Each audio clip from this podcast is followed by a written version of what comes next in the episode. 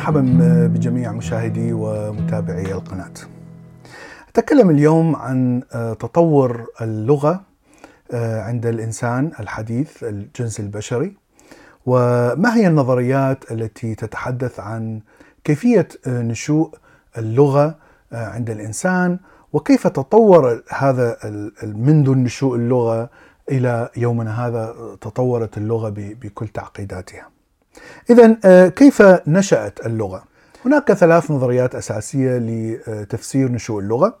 النظرية الأولى هي نظرية استمرارية وهي continuity theory وهذه النظرية تقول أنه لوجود اللغة المعقدة التي نعرفها الآن يجب أن يكون هناك تغير جيني أو وراثي أعطى الإنسان هذه الإمكانية أن ان أن يستطيع أن يطور ويعقد اللغة. وهذه النظرية تقول أن هذا التغير الجيني حصل قبل أن يظهر الجنس البشري الهوموسيبيان.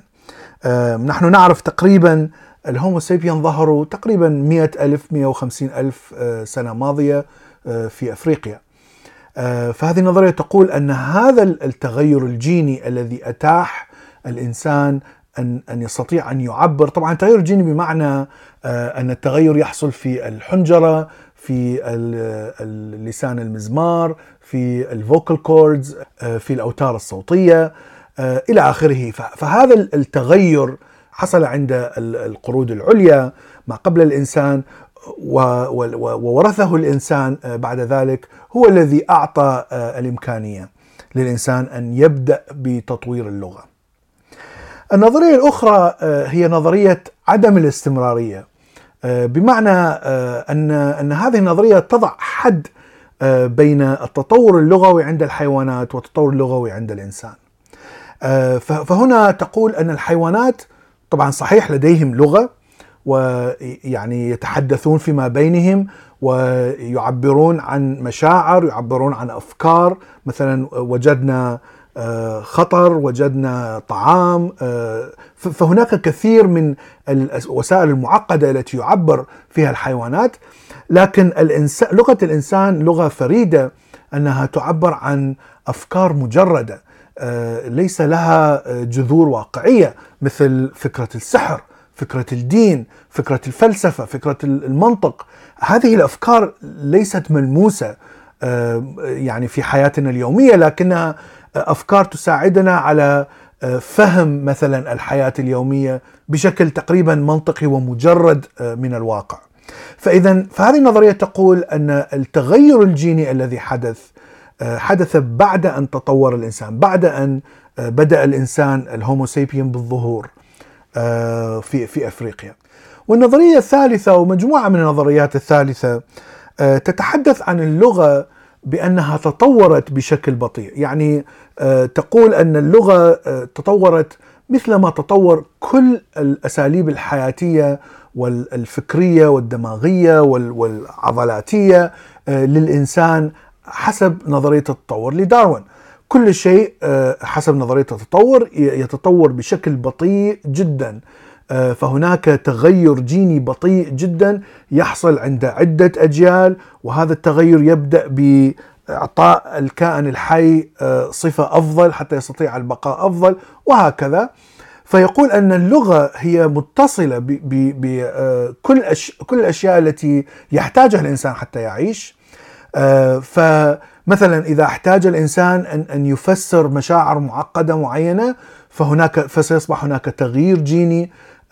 حتى يستطيع أن يفسر هذه هذا. وإذا اللغة تتطور مع تطور مثلا حياة الإنسان. عندما بدأ الإنسان يفكر بالظواهر الطبيعية الخارقة التي تؤثر على حياته بدأ يفكر بأفكار السحر مثلا وكيف يستطيع أن يمنع هذه الظواهر حتى ولو طبعا بأفكار خرافية. فيحتاج اذا على كمية كبيرة من التعابير المعقدة في اللغة حتى يستطيع أن يشرح ما هي فكرة السحر وكيف يستطيع أن يحمي نفسه من هذه الظواهر وهكذا. فأنا أعتقد أن هذه النظريات أو الفكرة الثالثة هي الأقرب إلى المنطق والواقع بأن إمكانية اللغة يعني لم تحدث لتغير جيني واحد مثلا. ولم تحدث بشكل سريع إنما حدثت بشكل بطيء جدا جدا مثل كل شيء تطور عند الإنسان. طبعا كل هذه النظريات التي تفسر نشوء اللغة ليس لها أي دليل مادي يعني هي مجرد افتراضيات منطقية ومن الطبيعي لأننا لا نعرف كيف كانت فسيولوجيه كيف كان تشريح الحنجرة للإنسان قبل 150 ألف سنة ماضية. نستطيع فقط أن نستنتج من الهياكل العظمية مثلا كيف يكون الفك واسع إلى آخره. فهناك كثير من الافتراضيات في هذه النظريات. الآن النظريات الأخرى التي تفسر تطور اللغة. كيف تطورت اللغة من مفردات وكلمات بسيطة إلى اللغة المعقدة التي نعرفها اليوم في لغات العالم؟ هذه النظريات يجب أن تفسر فكرة الكذب وفكرة الخداع في اللغة الإنسانية أو اللغة البشرية الآن. لأن الإنسان يتعلم الكذب والخداع بسهولة عندما يعيش في المحيط الاجتماعي. فإذا إذا إذا فكرنا بأن فكرة الكذب والخداع كانت موجودة مثلا في بداية تطور اللغة آه، من الصعب أن أن تتطور اللغة إلى ما تطور عليه الآن آه، بحيث تحتوي على كلمات معينة يستطيع الإنسان أن يثق فيها آه، ويستمر هذا الثقة تستمر حتى نستطيع أن نبني نظام فكري يخدمنا في الحضارة آه، فمثلا إذا كانت اللغة تحتوي على كثير من الأكاذيب من المستحيل أن أن تدير حكومة، أن تبني جيش، أن أن تبني جامعة وإلى آخره. آه، اذا هذه النظريات التي تحاول أن تشرح تطور اللغات آه، يجب أن تفسر كيف بدأ فكرة الكذب وكيف تطورت اللغة مع وجود فكرة الكذب. النظرية الأولى هي نظرية لغة الأم. آه، أو المذر تونج فلغة الأم بمعنى أن الطفل عندما آه، يتعلم اللغة في البداية آه، أغلب الكلمات التي يتعلمها ويستعملها هي مع الأم ومن ثم عندما يكبر فهو يستعمل نفس الكلمات أو يتعلم أشياء جديدة مع المحيط البسيط الاسروي الإخوة الأب إلى آخره. وهنا يتعلم اللغة صحيحة صادقة ليس فيها أكاذيب، الأكاذيب تأتي آه، بعد أن ينضج هذا الشخص ويبدأ بالخروج إلى العالم الخارجي ومن ثم يتعلم أن هناك مصالح مختلفة وعمليه الخداع باستخدام اللغة آه، قد آه، تجلب له المنفعة. فاذا لأن هناك أساس من اللغة الصادقة عند الطفل إلى أن يكبر استطعنا أن نبني آه، آه، اللغة المعقدة التي نعتمد على آه، نسبة من من الصحة نسبة كبيرة من الصحة فيها حتى نستطيع أن نستعملها في أنظمتنا المعقدة اليومية. النظرية الثانية تعطي تطور اللغة وتعقيدها إلى الخروج إلى المجتمع الكبير. فتقول أن عندما تتعامل مع افراد المجتمع طبعا التعامل في قبل مثلا مئة ألف سنة آه، كان تعامل منفعة تبادل منفعة. فأنت تساعد شخص والشخص هذا يساعدك سواء كان مثلا تتبادلون الأشياء سواء كان آه، تنظف جسمه من البراغيث مثل ما مثل ما يفعل الشمبانزي. فتقول هذه النظرية أن هذا هذا العمل التبادل المنفعي آه، بين الأفراد انتقل من شيء جسدي ملموس أو تبادل أشياء إلى تبادل أفكار تبادل لغوي مع تطور الحياة وأساليب الحياة عند الإنسان. فعندما آه، بدأت اللغة تستعمل بشكل آه، يومي آه، لتبادل الأفكار وبهذا كأنما أنت تتبادل الثقة والمنفعة فإذا تتطور هنا فكرة اللغة الاجتماعية التي نستطيع أن نبني عليها الأنظمة الاجتماعية بعد ذلك. آه، ف ويقول أيضا من هنا بدأت فكرة آه، الحاكي أو الإنسان الذي يحكي القصص آه، لأنها أتت من من فكرة أن أنك تتكلم مع شخص وتحكي له قصص ما حدث معك مثلا ومن هنا بدأت فكرة الحاكي أو القصة. وهناك نظرية أخرى آه، وهي تطبق أيضا في لماذا مثلا آه، يشع الخير بين مجتمع محدود ومغلق. وهي نظرية تيت فور تات أو reciprocity معناها أنا أفيدك فأنت تفيدني. وهذه نظرية يعني يعني قوية جدا في تفسير لماذا ينتج الخير في مجتمع مغلق. لأن الإنسان يستطيع فعل الشر وفي الحقيقة فعل الشر يعني السرقة مثلا آه، أسرع بكثير في في آه، أن تمتلك شيء مفيد. لكن إذا أنت تعيش في مجتمع وأنت تمارس الشر دائما في النهاية آه، سترى أن جميع الناس سوف يتجنبوك لأنك لأن يعرفون أنك سوف يعني تسرق أو تقتل. فاذا ستنبذ من المجتمع وربما تموت من الجوع. لكن عندما تعطي شيء مفيد فتتلقى شيء مفيد. فاذا هناك تبادل منفعة. وبناء على تبادل المنفعه فاذا آه، جميع المجتمع يبدأ بالتواصل وتنتشر فكرة المنفعة ومن هنا تنشأ فكرة الخير. اذا نفس الفكرة ممكن أن تطبق على اللغة، إذا أنا دائما أكذب آه، فاذا آه، الجميع سوف يكذب علي وانتهي إلى النبذ من المجتمع. لكن إذا دائما أتكلم بصدق فسيعرف الناس أنك تتكلم بصدق ويصدقون معك نتيجة إلى إلى صدقك. ومن هنا تنتشر فكرة الصدق ومن هنا تستعمل اللغة وتتعقد حتى نستطيع أن آه، آه، نعيش في أنظمة آه، اجتماعية معقدة. النظرية الأخيرة آه، هي تقول أن اللغة تتطور مع تطور الأفكار الإنسانية. يعني هي لا تتطور بجانب واحد أو نتيجة لوجود جانب واحد. اللغة دائما مرتبطة مع كل شيء. عندما يتطور السحر أو الدين أو الفلسفة يجب أن تتطور اللغة حتى تستطيع أن تلبي الحاجيات الأفكار المعقدة التي تأتي بها آه، هذه الأنظمة. فإذا اللغة لا تتطور بشكل منفصل عن تفكير الإنسان وعن آه، يعني حالته الاجتماعية لكنها تتطور ملتزمة بهذا. وهناك عدة نظريات تحاول أن تفسر وتربط ما بين تطور اللغة بشكل بطيء وتطور الحالة الاجتماعية للإنسان.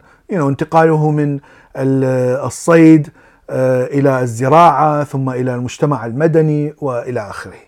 وأنا أعتقد أن كل هذه النظريات فيها شيء من الصحة. وربما تكون نسبة هذه النظريات آه، متماثلة مثلا في المجتمع لكن أعتقد أن هناك شيء صحيح في كل هذه النظريات.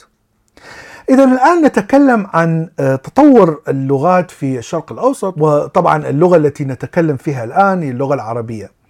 كيف تطورت اللغة العربية؟ علماء اللغات متفقين آه، على ربط تطور اللغات بالهجرات البشرية فنحن نعرف أن الهومو سيبيان أو الجنس البشري ظهر مئة ألف مئة وخمسين ألف سنة ماضية في أفريقيا آه، وبدأت الهجرات بعد ذلك تقريبا خمسين ألف سنة بدأت الهجرات إلى الشرق الأوسط أوروبا وآسيا. وهناك لغات آه، أساسية تسمى بالأفريقية الآسيوية Asiatic آه، Languages.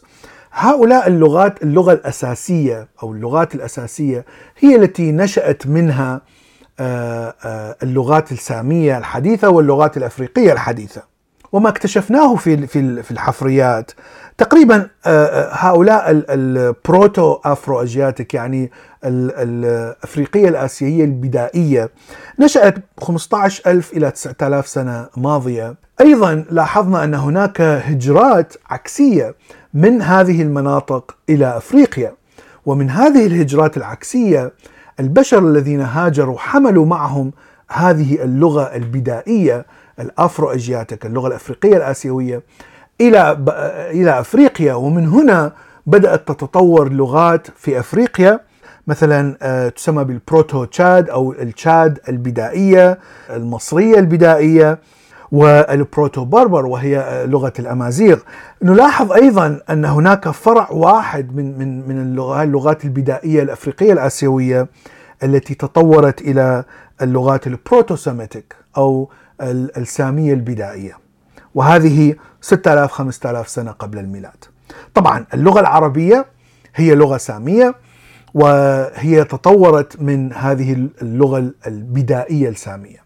أيضا اللغة الآشورية الأكدية البابلية العبرية آه، الآرامية كنعانية كل هذه اللغات جاءت من نفس لغة واحدة آه، ال Proto Semitic أو السامية البدائية. هناك شيء مهم أن كل هذه اللغات تتعامل وتتأثر فيما بينها. لا يوجد لغة تنشأ في الفراغ. كل اللغات التي تتطور دائما تتأثر باللغات التي تتطور معها. فمثلا هناك كثير من الاحتكاك ما بين المصريين القدماء وما بين الحضارات الأخرى مثل الحضارة الفارسية الأكدية البابلية أشورية. آه، فهناك كثير من المفردات تتخالط وتتعلم الشعوب فيما بينها. وهذا شيء مهم لأن لا يوجد لغة تنشأ في فراغ.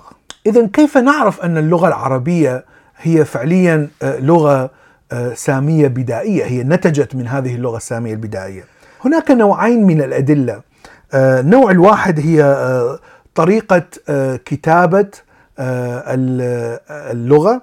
والنوع الثاني آه، طريقة لفظ الأحرف.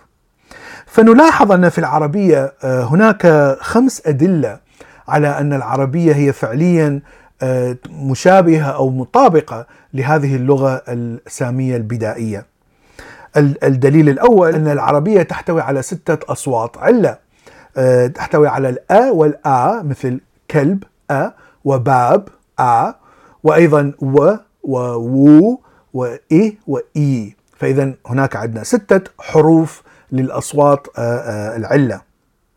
العربية أيضا آه، تحتوي على أصوات تنتج من الحنجرة مثل الخ أو الح هذه الأصوات فقط من الحنجرة ولا تنتج من الفم أو من اللسان أو حتى من السقف سقف الفم. وهي أيضا موجودة في السامية البدائية. العربية أيضا آه، تحتوي على طريقة لفظ بإغلاق الحنجرة ثم آه، إعطاء الصوت مثل الأه أو الأح عندما نمزج الألف مع أي حرف آخر. وهناك حروف تسمى بشبيهة العلة آه، مثل حرف الواو والياء. عندما تقول وعل فأنت تلفظ عدة أصوات علة وليس لفظ واحد. فأنت لا تقول أعل تقول واعل. آه، فإذا هناك عدة أصوات معقدة ولهذا تسمى بالحروف المشابهة للعلة. والدليل الأخير هي وجود آه، أصوات ساكنة صوتية وغير صوتية وإنفاتك أو أو آه، متمازجة. الصوتية هي الحروف التي تنتج من الحنجرة مثل الخاء فعندما تمسك رقبتك وتقول خاء تشعر بوجود آه، ذبذبات الصوتية هنا. لكن عندما تلفظ حرف الك وتمسك الحنجرة فالحرف الك لا يوجد أي ذبذبات صوتية. والحروف الممتزجة هي التي تمزج ما بين الاثنين مثل حرف الغاء حرف الغاء أنت يجب أن أن تلصق اللسان بالسقف لكن في نفس الوقت مثل ما تقول الكا والقاء لكن في نفس الوقت أنت يجب أن تستعمل الحنجرة ويجب أن تستعمل حبالك الصوتية. وهذه الصفات الخمسة موجودة بتطابق مع اللغة السامية البدائية. وهناك كثير من الأدلة الأخرى آه، التي آه، تثبت أن العربية هي لغة تطورت من آه، من هذه اللغات البروتو سيميتيك لكن أيضا نعرف أن اللغة العربية تأثرت تأثير كبير باللغة الأرامية واللغة الأرامية هي بالأصل اللغة الكنعانية لكنها انتشرت بشكل كبير آه، عندما آه، احتل الرومان وحتى عندما احتل الفرس وعندما احتل الآشوريين آه، حتى وصلوا إلى مصر. فكانت لغة مشتركة وتستعمل للتجارة. بشيء أساسي ما بين المصريين الأغريق آه، طبعا الكنعانيين أنفسهم الفرس آه، حتى العرب. فهذه اللغة أصبحت لغة عالمية للتجارة في في منطقة الشرق الأوسط مثل ما الإنجليزية الآن في العالم. ولهذا هذه اللغة أثرت على كل هذه اللغات وخاصة اللغات التي بدأت تنشأ آه، بشكل جديد مثل العبرية والعربية التي لم يكن لها حضارة عظيمة. في ذلك الوقت. فهذا ما أردت أن أقوله اليوم آه، أنا يعني فعليا أفكر دائما آه، بأن ما تعلمناه من عندما كنا صغار بأن العربية هي لغة كل شيء وتفسر كل شيء آه، ومن ثم تكتشف أن العربية هي فقط شيء مكمل أتى في في وقت كانت اللغات متطورة أكثر بكثير. وهي تفاعلت مع هذه اللغات وأخذت منها الشيء الكثير آه، حتى يعني استمرت إلى وقتنا هذا. آه، لكن آه، طبعا هي ليست النهاية. اللغات اللاتينية تطورت إلى لغات علمية وفلسفية أكثر بكثير من اللغة العربية الآن. فاللغة العربية تحتاج إلى إثراء كثير وطبعا هناك كثير كانت من المحاولات في القرن العشرين على إثراء اللغة العربية بالمصطلحات العلمية الجديدة آه، وأعتقد أننا سننجح في يوم معين ان نوصل اللغة العربية باللغات اللاتينية التي الإنجليزية والفرنسية آه، التي آه، يعني الآن سهلة جدا في توصيل الأفكار العلمية. شكرا لكم وإلى لقاء في حلقة أخرى.